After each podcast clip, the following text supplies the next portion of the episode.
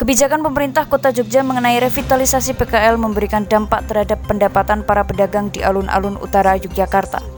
Penertiban PKL yang telah dilakukan sekitar lima tahun lalu yang dibantu oleh tim Pambudaya telah menggeser para pedagang dari dalam area alun-alun ke samping trotoar sepanjang alun-alun utara. Salah satu tujuan tim Pambudaya melakukan revitalisasi adalah agar kondisi di alun-alun utara menjadi lebih steril dan rapi. yang karena yang ini udah ketetapan dari gubernur juga bahwa area ini harus steril gitu loh.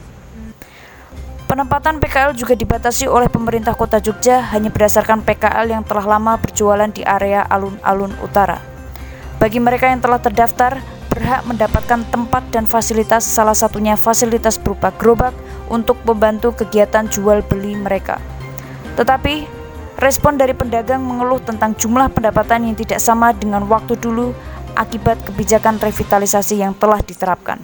Salah satunya Pak Kaliman, selaku pedagang kaki lima di alun-alun utara yang berasal dari Gunung Kidul, menjelaskan bahwa pendapatan sekarang masih tertinggal dibandingkan waktu dia jualan di tempat lama. Oh jauh lebih beda. Ya pokoknya di bawah standar lah.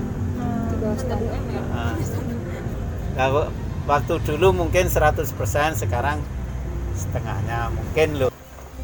Bahkan, Minarno selaku Komandan Regu Pambudaya juga mengiyakan bahwa terdapat keluhan dari para pedagang tentang perbedaan penghasilan yang mereka peroleh.